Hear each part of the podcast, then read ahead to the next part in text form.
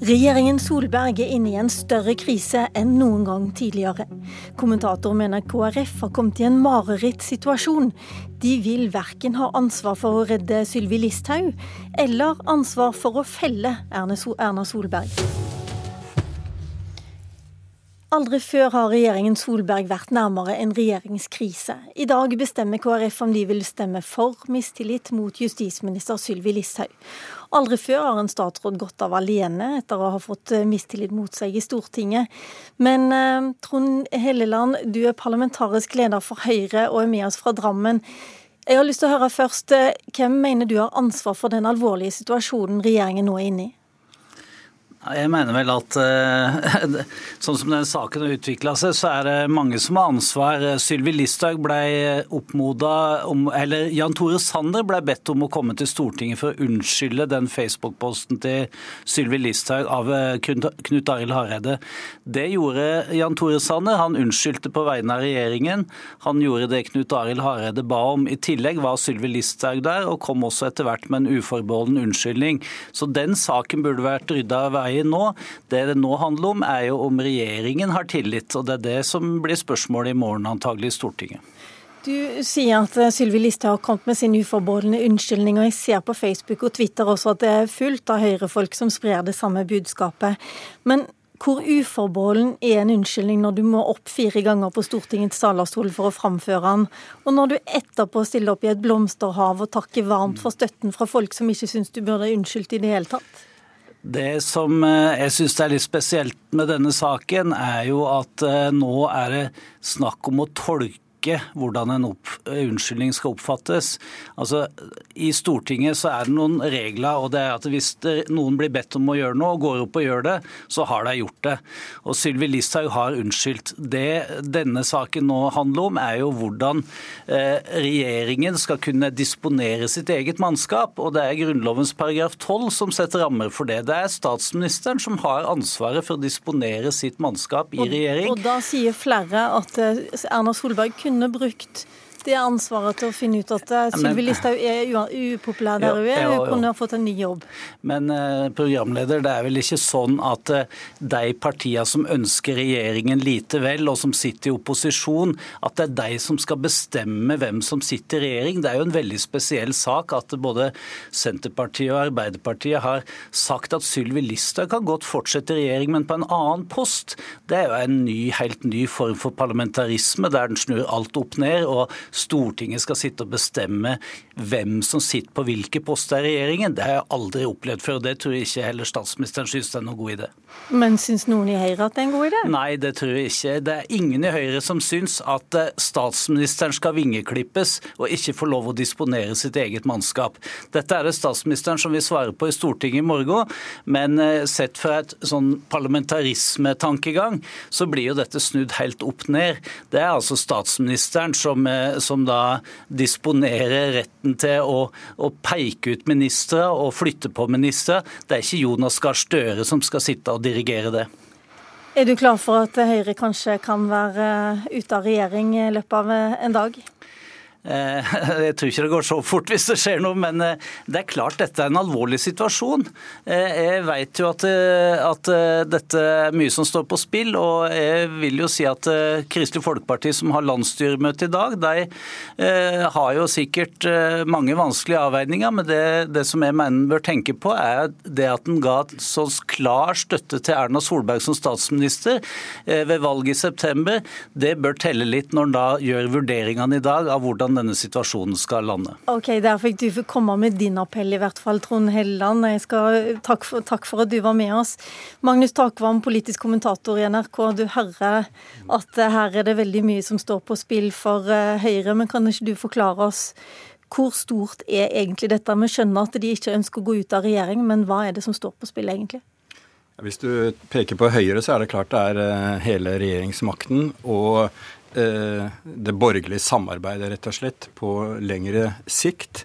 Eh, det denne saken har eh, eksponert og vist veldig tydelig, er at det er et, et veldig krevende prosjekt å samle en bred borgerlig allianse, der du inkluderer både den fløyen Sylvi Listhaug står, står, bak, eller som hun har støtte fra i, i i Frp og de liberale og uh, mer venstreorienterte både i Venstre og KrF. Å samle dette brede prosjektet har kommet under press nå. Og jeg tror at hele denne saken, uansett utfall om det ikke blir regjeringskrise, så kan det være et tidsskille der regjeringen som til nå har vært framstått ganske selvsikker og styringsdyktig, eh, at det kan endre seg. Og at dette har vist at regjeringen er sårbar og, og har veldig eh, smalt handlingsrom i Stortinget. Like før eh, regjeringsvalget, eller stortingsvalget i høst, så sa KrF-leder Knut Arild Hareide at KrF går til valg på å kvitte seg med Sylvi Listhaug i regjering. Samtidig gikk de også til valg for å beholde Erna Solberg som statsminister. Et av de eh, løftene må han antageligvis bryte i dag, eh, Berit Aalborg. Eh, og hva mener du taler for at eh, KrF går inn for mistillit mot eh, Sylvi Listhaug? Ja, Hvis vi ser på hva som er grunnene til at de kan gå for mistillit, så er det jo sånn at KrF over lang, eller Sylvi Listhaug over lang tid har kommet med en rekke utspill som har blitt opplevd som provoserende og polariserende i for KrF. Og akkurat nå så tror jeg nok de ser veldig alvorlig på det at hun har gått opp på, på, på talerstolen og bedt om unnskyldning, og så ser vi da under et døgn etterpå at hun stiller seg opp i dette blomsterhavet og takker for, for, for støtten fra akkurat de samme personene som hun på, på en måte, eller fra de samme problemstillingene som hun tok avstand fra. Det, og det fikk, det fikk det til å koke voldsomt i KrF. Og det jeg tror man er veldig bekymra for her, er at hun skal fortsette. Altså Det er ikke noen indikator på at hun ikke skal fortsette å komme med disse utspillene. Og man er nok redd for å, å bli klistra opp til alle de tingene som Listhaug nå fremover kan komme med. Så det er nok noe av det som beveger seg, noe av grunnen til at KrF på, på den sida at de kan kan, som taler for at de, de går for et mistillitsforslag. Eh, men, men og hva taler mot? Nei, altså, Det er jo dette med Erna Solberg. De, de, er nok redd for at hun har Erna Solberg sitt miljø, eller kretsen rundt Erna Solberg, har i løpet av de siste, det siste døgnet sagt veldig tydelig at, at, regjeringen kan gå. Og Det er klart at det er veldig krevende for KrF å, å, å ha mistillit mot, uh, mot, Erna Solberg, som de både liker og har veldig stor respekt og har gått i valg på. Så, så, så, så det, dette er vanskelig å si hva det ender opp med, rett og slett. Hva tror du, Magnus Takvam, de ender opp med?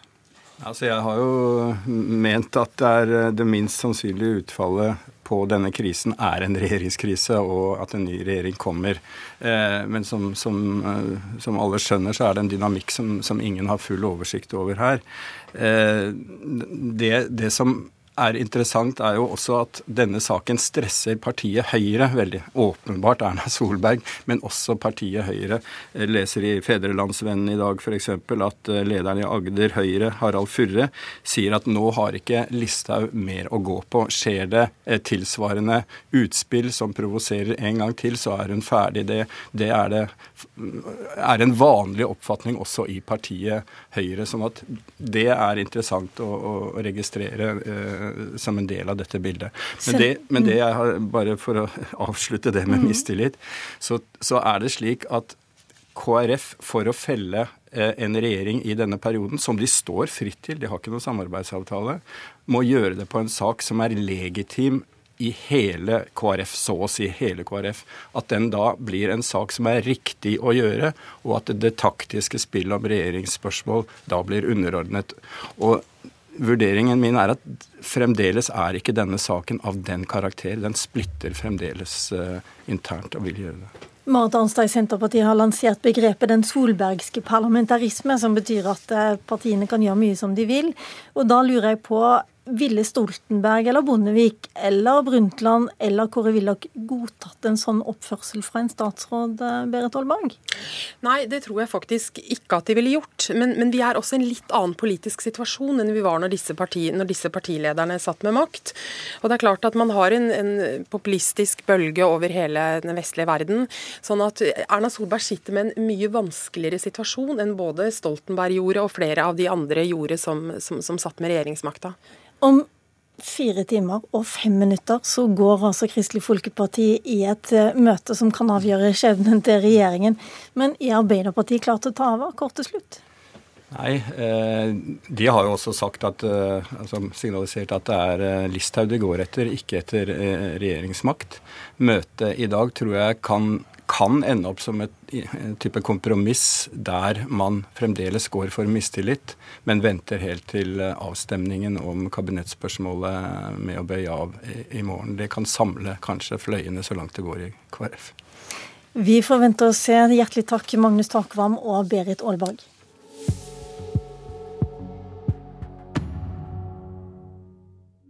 I mange år har vi hørt at netthatet har spesielt rammet Arbeiderpartiet, men i det øyeblikk da Erna Solberg unnskyldte på vegne av regjeringen Sylvi Listhaugs Facebook-post, så raste det inn trusler og beskyldninger om landsforræderi også mot henne.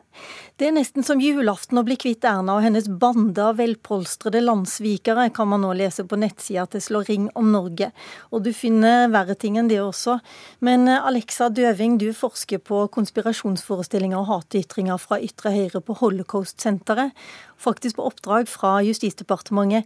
Den siste uka så har vi hørt om drapstrusler mot AUF-ere, mot Erna Solberg og mot Sylvi Listhaug. Er det mer hat der ute og flere sinna folk der nå enn før?